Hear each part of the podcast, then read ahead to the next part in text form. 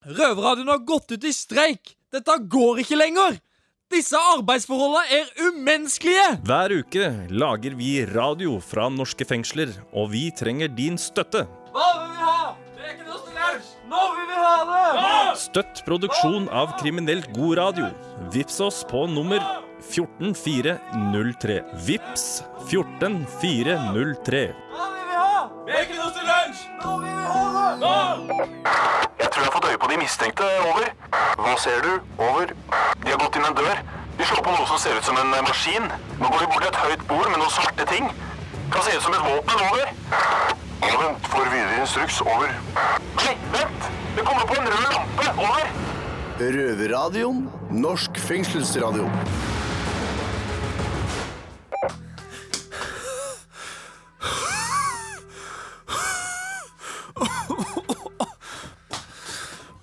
Å, shit. Det rakk vi akkurat, gitt. Det har holdt meg på å komme for seint uh, til sending her. Fordi at uh, Mr. Black uh, absolutt skulle ha på seg den daglige ansiktsmaska si. Faen, ass, Mr. Black. Begynner å bli drittlei av å vente på deg på morgenen. ass Hver morgen så Ja, men skal da, da, ha. Det er vanskelig å beholde den kjekkheten jeg har. ikke sant? Hvis man skal være så kjekk som meg, så må man Så ta må- ansiktsmaske. Og jeg bruker den bare på kvelden, så ikke prøv å ta om morgenen. Eh, OK, ja. I hvert fall, dette her er Røverradioen, og du hører på Oskar, Fredrik og uh, Mr. Black. Halla, mann. Og hva er det vi får for noe i dag, Fredrik? Eh, vi skal prøve å eh, komme litt eh, nærmere på hvor viktig det er eh, med forebygging av radikalisering og ekstremisme. Eh, det har vært eh, en del terrorangrep i det siste nå, både i Sverige, Frankrike, i Europa den siste tiden. Og fellesnevneren der har vært at alle sammen har blitt radikalisert i fengsel. Så skal jeg snakke litt om det, og hva er det egentlig fengselsbetjentene gjør for å unngå ny radikalisering av ekstremisme. Er det noe mer, eller, Mr. Black? Ja, vi skal også snakke med en som heter Åse Seierstad. Åsne. Åsne, beklager. Jeg er dårlig på norske navn. jeg bare kødda. Men ja, vi skal snakke med Åsne Seierstad, som har skrevet en bok som heter også To søstre. Som Ja. handler om de to somaliesøstrene som reiste ned til Syria for å krige med IS. Hun er vel kanskje enda mer kjent for å ha skrevet boka 'Bokhandleren i Kabul'. Ja, den har jeg faktisk Ja, hørt om. Men hun har jo skrevet eh, To søstre, det seneste verket hennes. Men eh, ja, radikalisering det er eh, faktisk mye nærmere oss enn eh, man skulle tro. Fordi at vår røverkollega Nora har jo faktisk nesten vært på vei jo, til Syria for å kjempe for IS. Og hvordan hun kom seg ut av det, det skal du snart få høre. Det er en sterk historie. ass. Det er det. Men jeg tror nesten at vi må sette i gang med denne timeslange sendinga. Word Og up! eh, da starter vi, siden det er om radikalisering i dag, så får vi jo nesten høre en sang av en som ble beskyldt for å ha musikalsk eh, radikalisert eh, er eh, en del ungdom opp Ja. igjennom. Var vel i 99 i hvert fall. Nå skal du få høre Marilyn Manson med dun, to love. Røverradioen. Glem kjedelige nyheter fra NRK, TV 2, B4 og VG. Det her er fengslende nyheter. Må jeg få lov til å be om en mer profesjonell, eksplosiv holdning til tingene, takk? Dette der er fengslende nyheter. Det er selveste Fredrik. Jeg sitter her med Mr. Black og Hallamann. Halla. Så hva er første nyhet ut, Miss Black? Jo, presten har forlatt bygningen, og han hadde sist gudstjeneste på mandag. Så han dro fra Botsen og over til Bayern, som altså er avdeling B. Og fra nå så blir det bare gudstjeneste på avdeling B i Oslo fengsel. Og i tillegg til det, som kanskje du også opplevde, så har Oslo fengsel tatt grep og foretatt utvidet urinprøve for å stoppe dopbruket av de innsatte Det fikk i jeg Oslo med fengsel. Ja, Og da var det avdeling C2 som ble første utvalgt. 20 urinprøver på en dag, var det ikke det? Helt riktig. Da setter vi over til damene på Bredtvet fengsel, som også har noen fengslende nyheter. Sommersesongen her på Bredtvet kvinnefengsel er rett rundt hjørnet. Fra og med 1. mai vil det bli en time ekstra luft på oss damer her på Bredtvet. Før så var det luft fra 16 til 17.00, men nå vil det være 16 til 18.00 i hverdagene. Og i helgene er det fra 13 til 15.00. God luft! Takk til dere damer. Da får dere bli brune og pene i sommer. Eh, nå skal vi utenmurs, og vi skal til England. Hvor det er blitt et voksende stort problem med noe som heter Spice, et nytt narkotika som har kommet på markedet. Og det ser ut som marihuana, skal lukte som marihuana, men er syntetisk marihuana og skal visstnok være livsfarlig. To innsatte i et fengsel i England hadde gått amok, gått løs på hverandre, gått løs på andre medinnsatte, og det hele hadde de fått med på film, som de hadde filma med en smugla mobiltelefon inn i fengselet. 13 betjenter hadde endt opp på sykehuset for sjekkes etter de hadde passivt inhalert eh, dette narkotiske stoffet. Eh, måten de får det inn på, er det at ni av ti pakker kommer inn med droner over fengselsmuren. Og dette er et voksende problem i eh, engelske fengsler. Det var det vi hadde av eh, utenmursnyhetene. Mr. Black har en låt å fyre i gang med. Ja, nå skal vi høre på en som er liten og spretten, og det er nemlig Billy Van. I'm totally fine with it. Word up, kjør på.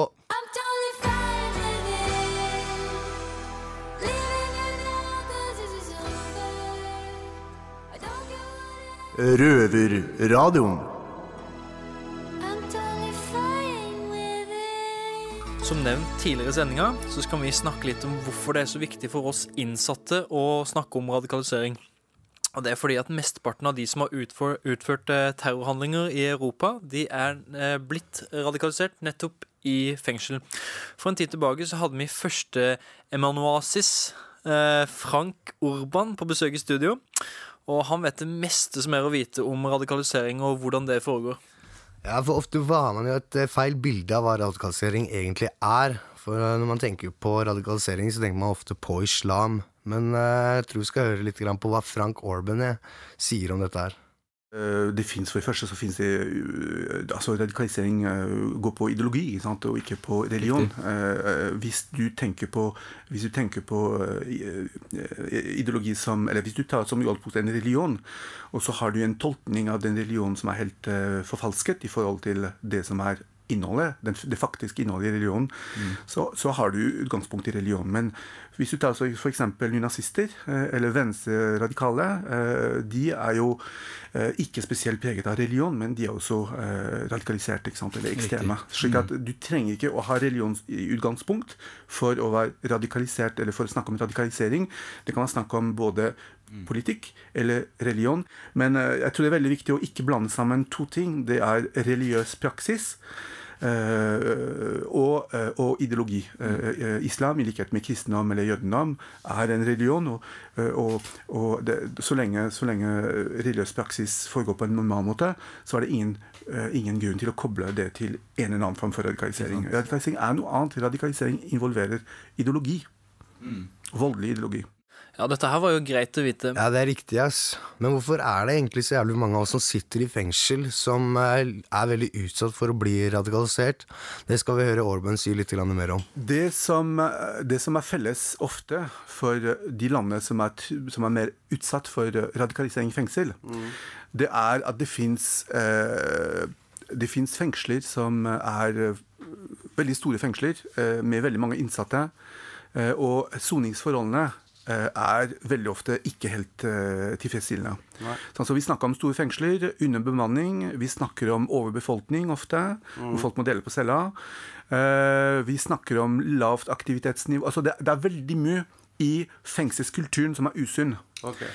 Eh, Og når forholdene i et fengsel er usunne, så er det grobunn for en eller en annen form for frustrasjon. Okay. og et av de eh, altså, Alle vet at fengselsoppholdet det er ikke noe gøy historie, egentlig. Det er tungt. Eh, og man reagerer veldig forskjellig til det. ikke sant? Du kan reagere ved å, ved- å rette på en måte Du kan være apatisk, du kan være deprimert, ikke sant? du kan være voldelig mot deg selv, mot andre. altså Det fins ulike må- måter. Og radikalisering det er en måte å reagere på hvis forholdene er lagt til rette for det. Ja, dette her var jo veldig greit å vite, men eh, for å gå litt videre, så eh, ja, I norske fengsler så har det jo tidligere vært mange som har blitt rekruttert til høyreekstreme nynazistgjenger og den slags, men nå så frykter jo PST med for rekruttering til terrororganisasjoner som IS og slikt. Ja, så stemmer det. Jeg husker jo når det var det Benjamin-drapet på Holmlia, så var det jo mye rekruttering i fengsel av uh, nynazistmiljøene osv. Eh, men eh, radikalisering har jo de siste fått jævlig mye plass i nyhetene. Og motvirkning har fått mye plass i fengselet, men det fins jo også måter å forebygge dette her på. Eh, Ja, vi kan jo høre hva Orban eh, mener blir gjort.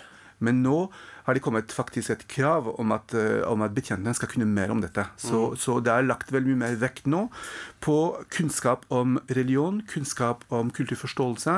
Og, og det i seg selv vil også gjøre kontakten mellom betjenter og, og innsatte lettere. Det er veldig viktig, da. Det er veldig viktig, for det, har, det, det kan oppstå tilfeller hvor en betjent er uh, utrygg eller usikker og tolker noe feil. ikke sant? Uh, man skal verken overspille eller underspille. Men er egentlig dette nok? Altså, Det er skummelt eh, hvordan dette her har blitt en så stor greie. Altså, Vi hørte jo ikke så mye om det her før. Nei, Det er jævlig rart at vi ikke hørte så jævla mye om det før. Eh, Det har jo alltid vært de der høyekstreme greiene i eh, norske fengsler i egentlig jævlig mange år. Men det er først nå som muslimer har begynt å rekruttere til IS, at radikalisering har fått et stort fokus. Men én ting som er sikkert, det er det at folk som blir radikalisert, ofte ikke er til å kjenne igjen. Og derfor så treffer, treffer vi nok midt i blinken med å spille Gotti med Somebody that I used to know. Røverpodkast. Nå skal vi nemlig over til Bredtvet kvinnefengsel, der hvor de har fått besøk av forfatteren Åsne Seierstad. Jeg er Nora og står her på Bredtvets egen prestekontor her oppe med selveste Åsne Seierstad, som har tatt seg en tur hit for å fortelle om sin nye bok. Velkommen, Åsne. Tusen takk. Er det første gang du er i fengsel? Det er første gang jeg er inne og møter innsatt i et fengsel um, i Norge. Jeg har vært i mange fengsler i utlandet. Der har jeg eh, sett på forholdene. Syns du det er litt skummelt? Nei, skummelt syns jeg jo ikke eh, det er. Men jeg syns det er veldig spennende. At det, og det tenkte jeg liksom litt sånn barnslig spennende og liksom at jeg eh, skulle, skal til et fengsel. For det er jo liksom De fleste av oss har jo aldri Altså Man leser om saker i avisen, men det er veldig sjelden man får ansikter til det. Så det er klart man? Bare tenk så populært eh, krimbøker er, kriminalserier på TV, Detektimen altså? Veldig mye av vår kultur handler om forbrytelser og straff og forbrytere og hvem de er. Så liksom når jeg plutselig skulle sitte her og snakke med de som sitter her, så jeg, det må jeg ærlig innrømme at det, det syns jeg var spennende og ble glad da jeg ble spurt om å komme hit. Vi er glad for at du kom. Men du har jo skrevet en bok som heter To søstre. Har du lyst til å fortelle litt om den? Ja, eh, der eh, snakker vi også om to jenter som har brutt norsk lov. Og dersom de kommer tilbake fra Syria, der de befinner seg nå, så vil de sannsynligvis eh, ende opp her, eller i et annet fengsel, for en tid i hvert fall. Det er Ayan og Leila, som er to søstre. Eh, Norsk-somalisk eh, bakgrunn. eh, Som valgte en oktoberdag i 2013 å reise til Syria. Og det var et sjokk for foreldrene da det skjedde. Et sjokk for skolen, politiet. Ingen hadde skjønt noen ting. Fordi på den tiden, selv om det ikke er lenge siden, så hadde vi i skolen et sånt syn på innvandrerjenter som veldig undertrykt. Og det som man skulle se opp for, det var tvangsgifting og omskjæring, kjønnslemlestelse, den type ting. Ingen hadde på en måte fantasi til å tenke at eh, de eh, var sånne egen selvstendige drivere av egen skjebne som, som kunne komme til å reise til den islamske staten.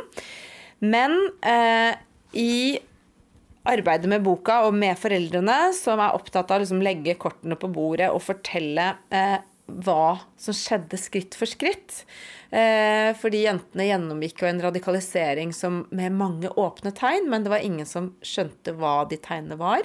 Eh, jeg vet ikke akkurat om min bok kan avverge noen å reise, men det kan i hvert fall eh, være et sånt verktøy da, for, for de som jobber med ungdom eller familier. Og, eh, så, så det, det som er utgangspunktet, er da hvorfor de dro, eh, hva som fikk dem til å gjøre det, og selvfølgelig også livet deres i Syria, hvor de fremdeles befinner seg.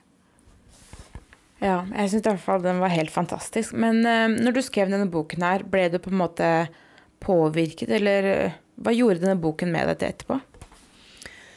Altså Det som har kanskje påvirket meg med de to siste bøkene mine ikke sant? Den, den forrige boken min, 'En av oss', handler jo om høyreekstrem radikalisering. Eh, som for så vidt ikke har så mye synlige tegn, fordi han eh, Breivik sitter jo bare på rommet sitt. Han endrer jo ikke matvaner eller klesstil eller begynner å gå med skjegg. Eller? Det er helt usynlig radikalisering. Det bare foregår på nettet. Um, men like fullt det er litt noe av de samme samme eh, fenomenene som foregår, og noe som samme bakgrunn. Hva handler dette om? Jo, det handler mye om tilhørighet. Å finne et sted hvor jeg hører til. ikke sant? Hvor, hvor, eh, det handler mye om identitet. eh, Å finne på en måte sin gjeng og sin flokk. Det som jeg, Hvis jeg skal si hva som har gjort mest inntrykk på meg i begge de bøkene, er det med barndom. Er hvor utrolig viktig tidlig, tidlig, tidlige opplevelser er. Eh, I forhold til mange av de som har reist, er det ganske mange ødelagte skjebner, eller skal si, i hvert fall ødelagte barndommer, eller, eller veldig skadede barndommer. Eh, og det skriver jo også PST i, i sine rapporter, at eh, radikaliseringen fortsetter med uforminsket styrke så lenge vi ikke får gjort noe med årsakene. Vi skal, snaks, vi skal straks eh, snakke mer om litt, litt mer om radikalisering, men først må vi høre en låt fra Calvin Harris, Frank Ocean og Migos med låta, låta 'Slide'. Røverpodkast. Jeg er fortsatt Nora, og jeg sitter her fortsatt med Åsne Seierstad.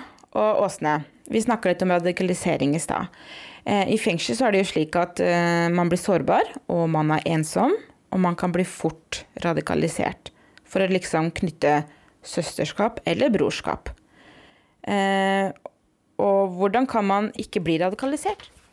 ofte handler det om veldig små skritt som ikke nødvendigvis ender med at du drar til Syria eller begår terror i verste instans.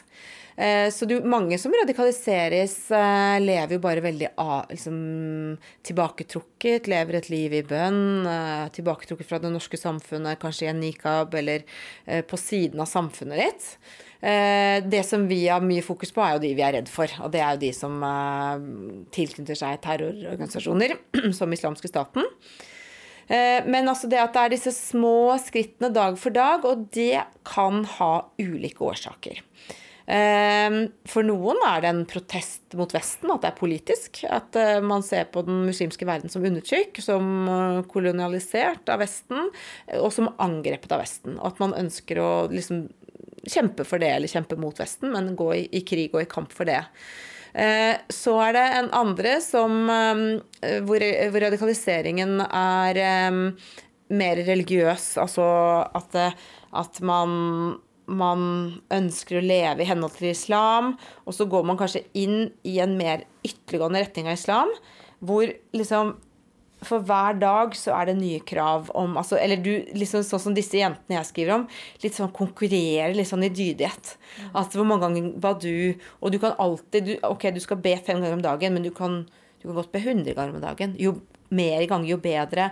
Og så er det i tillegg til det så er det en sånn distansering til Vesten. Eh, og til slutt fordi man skal dekke seg til i nikab, man skal respektere bønnetidene, man skal ikke være et sted i kontakt med et annet kjønn osv. Man skal ikke være et sted hvor de spiller musikk eller spiller filmer osv. Servere alkohol eller servere svinekjøtt eller Så til slutt så blir det liksom ikke så mange steder i Norge du kan være. Så Norge blir som et fengsel. På en måte, da, bokstavelig talt, eller som en undertrykkende mekanisme. Hvor da eh, liksom det å reise, forlate, dra til Syria, dra til kalfatet, blir en slags frigjøring. Men spørsmålet ditt var jo egentlig hvordan man kan unngå det. Eh, og da tenker jeg at det er utrolig viktig at vi i Norge skaper sterke fellesskap. Norge er egentlig ganske flink på det. Vi må ikke svartmale dette her. Eh, og jeg tenker at eh, integrering er jo viktig. Og jeg tenker noe av det billigste antiradikaliseringsarbeidet vi kunne ha, som også er et godt integreringsarbeid, er f.eks. å ha gratis SFO eller gratis aktivitetsskole til alle barn. Jeg tenker altså, sant, Sånne ting som fotball, idrett, alt det der burde vært gratis. Altså, det er, det er de som faller, Når vi ser på de som faller utenom, de som har reist til Syria, så er det de som også falt utenom da de var barn. Ikke sant? Vi må ikke glemme det. eh, At radikalisering, og dette sier også politi og PST, altså de i siste instans de kan stoppe folk fra å reise til Syria gjennom etterretning og gjennom å følge med. Men hvis du på en måte skal gå på årsakene, så handler det om å, å, å skape liksom, trygge oppvekstvilkår og, og følge med på Fordi veldig mange av de har som ustabile barndommer. Var du ned, noen gang nede i Syria, eller sånn Ville du være med å lete etter jentene noen gang? Da hadde jeg nok ikke sittet her nå hvis jeg hadde dratt til Syria. Altså, det er jo en del av de eh, vestlige hjelpearbeiderne og journalistene som ble halshugd der nede. Noen av de hadde vært i Syria i 20 minutter. En hadde vært der en halvtime. Så det er så akkurat de områdene eh, hvor vi ville gått inn, de er så overvåket, og der hadde du bare ikke vart lenge. Fordi som vestlig er du både Altså, ikke sant, du er penger, selvfølgelig. Eh, og om ikke penger, så er du liksom et eh, propagandaverktøy. Eh, og det, det skjønte jeg at bare det Den grensen der krysser du ikke. Men eh, Åsne, vi har egentlig ikke så mye tid. Eh, Jeg vil bare takke deg kjempemye for at du tok deg tid for å snakke med meg.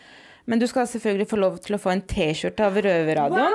Verdens beste logo på. meg. Den var jo kjempekul. Den er så fin. Jeg har på meg en nå. Du skal eh, få en du også. Så herlig. Ok, Åsne, jeg skal la deg gå. Eh, lykke til masse videre. Og etter alt det seriøse pratene, så må vi høre på en av mine favoritter, Ed Sheeran med Calaway Girl. Røverpodkast. Som alle sammen vet, så kan radikalisering skje andre steder enn i kun fengsler. Og derfor skal vi nemlig ta en prat med vår egen røver, Nora. Bredtvet kvinnefengsel! Hei, jeg heter Heidi, og med meg her i studio har jeg jo Nora. Du, Nora, har jo ei fortid akkurat som vi andre. Du har jo vært radikalisert, stemmer det? Jeg vil ikke si at jeg var det, men jeg var på veldig god vei til å bli det.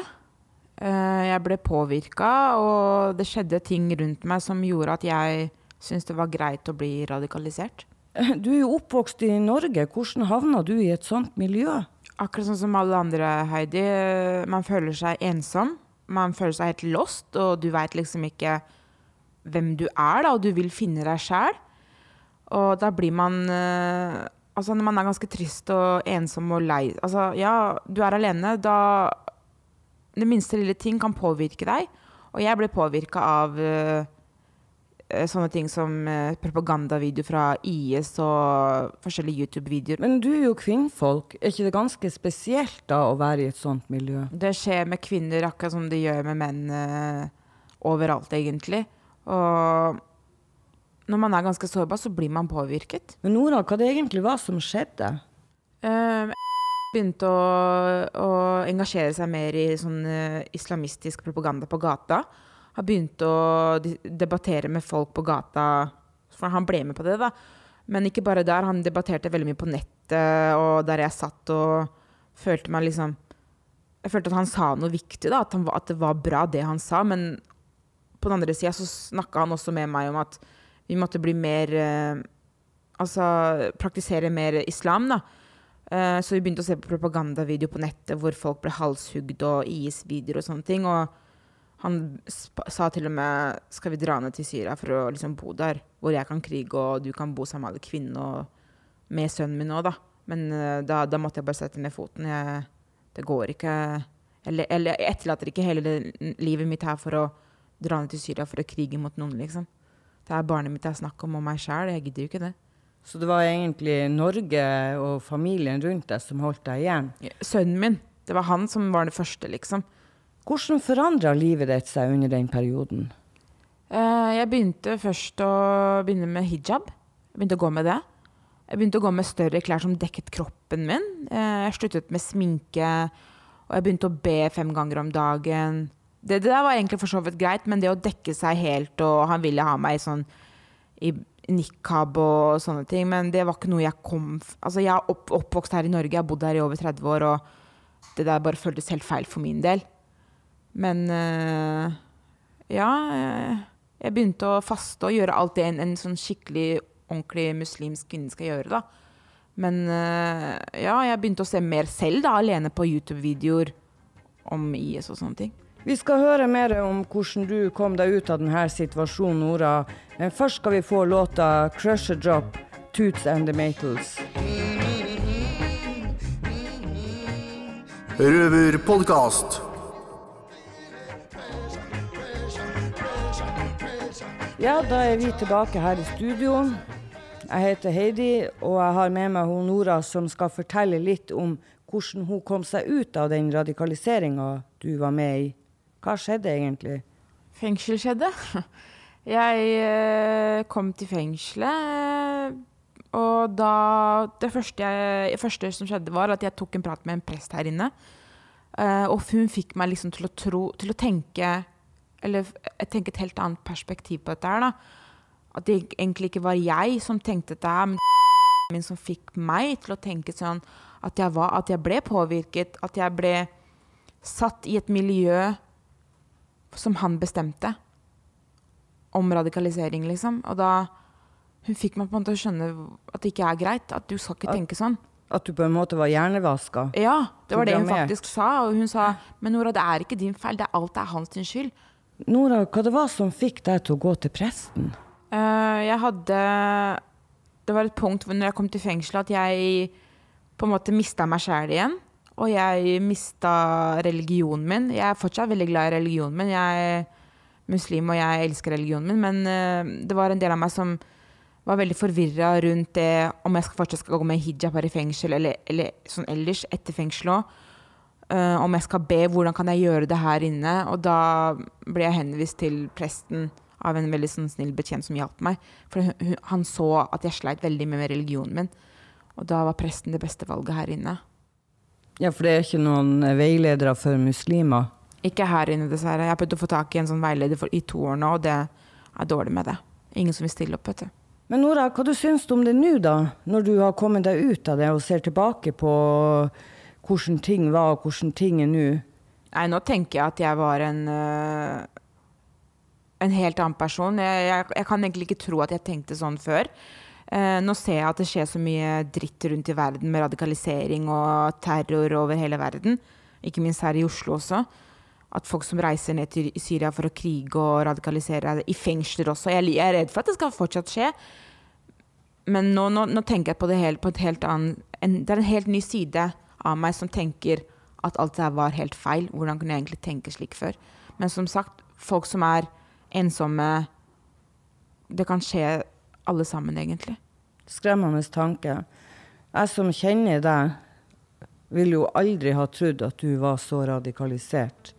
Så jeg er jo kjempeglad for at du har endra, men det er helt utrolig at du har hatt den holdninga når jeg ser og hører på deg i dag. Nei, vet takk, hvem du er. Men som sagt, det kan skje mannen i gata. Plutselig så sitter du ved siden av en terrorist, en terrorist i bussen rett ved siden av deg, liksom. Du aner jo aldri.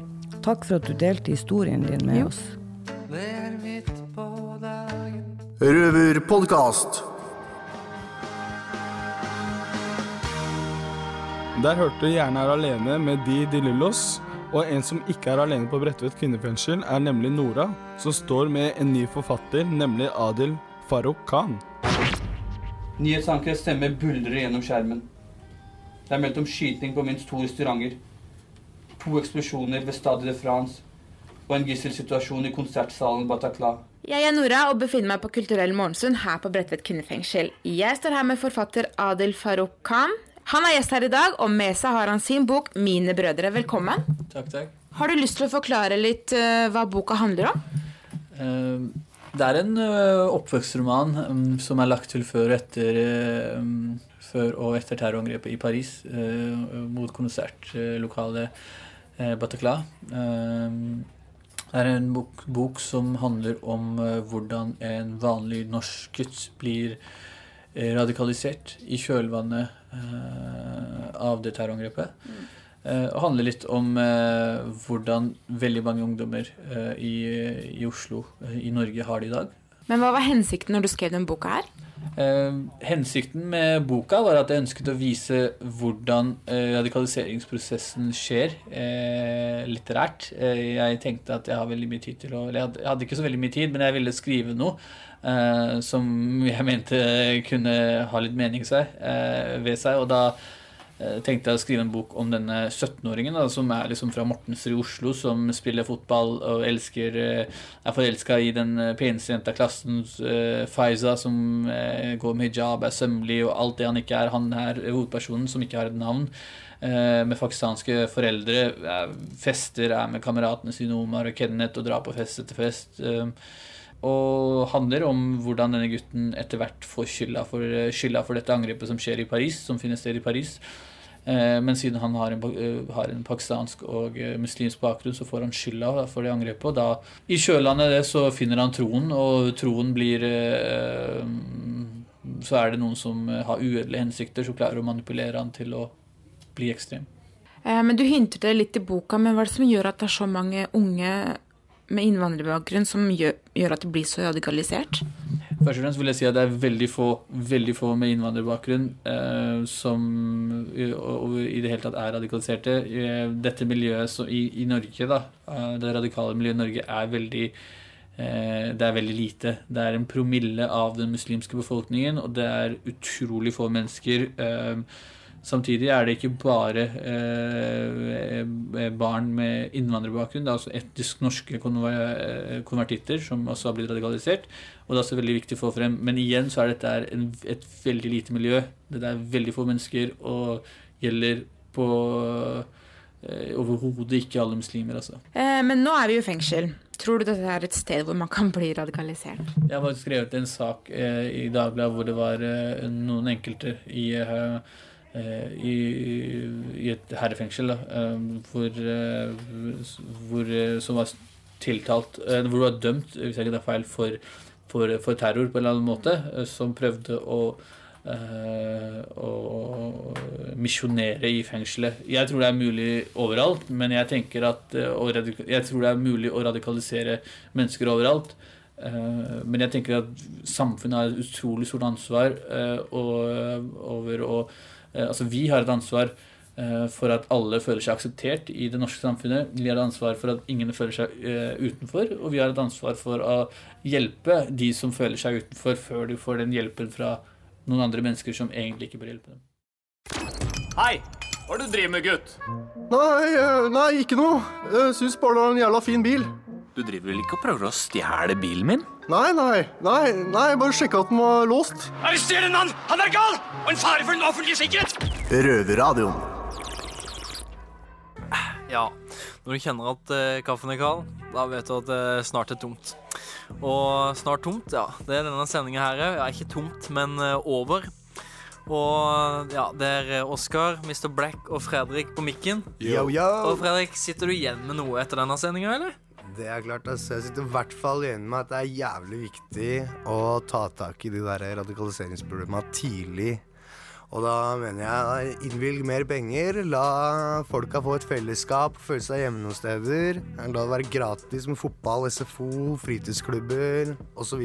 osv. Så så man kan knytte sunne relasjoner. Helt klart, ass. Har vi hørt i dag, er jævla viktig. Mr. Black, sitter du igjen med? Jeg? Ja, du, ja. Eller er du helt borte i løslatelsen din? Jeg du skal jo løslates, du. Ja, jeg har bare én ting på tankene mine. Det er Ja. samme ting som går om og om igjen. Ja. Vet du hva? Uh, hårfleting? Nei, det går akkurat dette. Popping on the south side, going to the outside, Mr. Black going home to the hometown. Det betyr at jeg tenker bare på at jeg skal komme meg ut av disse drittmurene og det dårlige klimaet her inne. Så du har fått innvilga to tredjedelene dine? Helt riktig, buddy. Grattis, bro. Grattis. Grattis. Siden eh, Kan ikke du ta oss og presentere Presentere hvordan man kan høre oss hvis man ikke klarer å vente til neste gang? Du lurer ikke på hva jeg skal gjøre med en gang jeg kommer ut, nei? Du vil flette håret. skal Jeg vet at du skal flette håret. Ja, Hvordan faen vet du det? Slutt å tenke på hva jeg skal gjøre, og tenk på deg selv. Og ansiktsmaske. Jeg gjetter ansiktsmaske. Nei, faktisk, jeg skal eh, til eh, hårsalong. Og flette håret. jeg skal til hårsalong, flette håret, mens jeg får eh, klippet neglene, litt manikyr og pedikyr. Det hørtes nusselig ut. Og så skal jeg ta massasje etterpå. Men hvis du er så desperat at du absolutt har lyst til å høre min eh, nydelige stemme Og det er du. Og det er du, som regel. Det er 90% av de jentene i hele Norge er mest etter å høre. Så kan du gå inn på soundcloud.no og høre oss der. Eller så kan du gå inn på iTunes Podcast. Men hvis du faktisk har en Android-telefon, så kan du også bruke podcasten der på en app. og høre oss der. Ellers så kan du Hvis gå du inn på Facebook. Er det jeg eller du som snakker nå? Ja, ja, ok, bare kjør på. Ja, Soundcloud.com. Eller Soundcloud. Nei, jeg var på iTunes, og så gikk jeg over til Android. Går det ikke an på Facebook òg? Fy faen! Jeg er så glad jeg ble kvitt dere, altså. Ja, du kan gå på Ditto, Facebook. bro, ditto. Men, du kan gå på eh, men- Facebook og søke på Røverhuset der. Ja, og så er det soundcloud.com. Og Fredrik, altså, hva er det som skjer eh, neste gang, Faen, egentlig? det er Det var ikke helt noe umulig, sånn Neste gang, bro, neste gang, bro, så skal vi eh, snakke litt grann om gjengmedlemmer i fengselet. Er det sånn på film? Er det sånn på TV? Er det sånn du leser? Er det sånn du hører? Eller er det helt annerledes? Det skal vi snakke om neste gang. Uh, Spennende som en hest, ass. Spennende. Du ser ut som en hest. Men, eh. Men vet du hva, da tror jeg vi tar, eh, da tror jeg vi tar eh, innersvingen på denne sendinga her. Og Fredrik, eh, hvis jeg forsto rett, så hadde du et ønske om det var en eller annen gul ulv eller noe sånt? Ja, Den gule ulven? På en måte. Det er eh, Yellow Wolf eh, med en låt som er helt rå og heter Broken Bottles. Greier du? Hey! Og da takker vi for oss. Empty bottles on the table, black roses on the ground, silhouettes on Du har akkurat hørt en podkast fra Røverradioen. Du hører oss hver fredag klokken 18.00 på Radio Nova og alltid på røverhuset.no.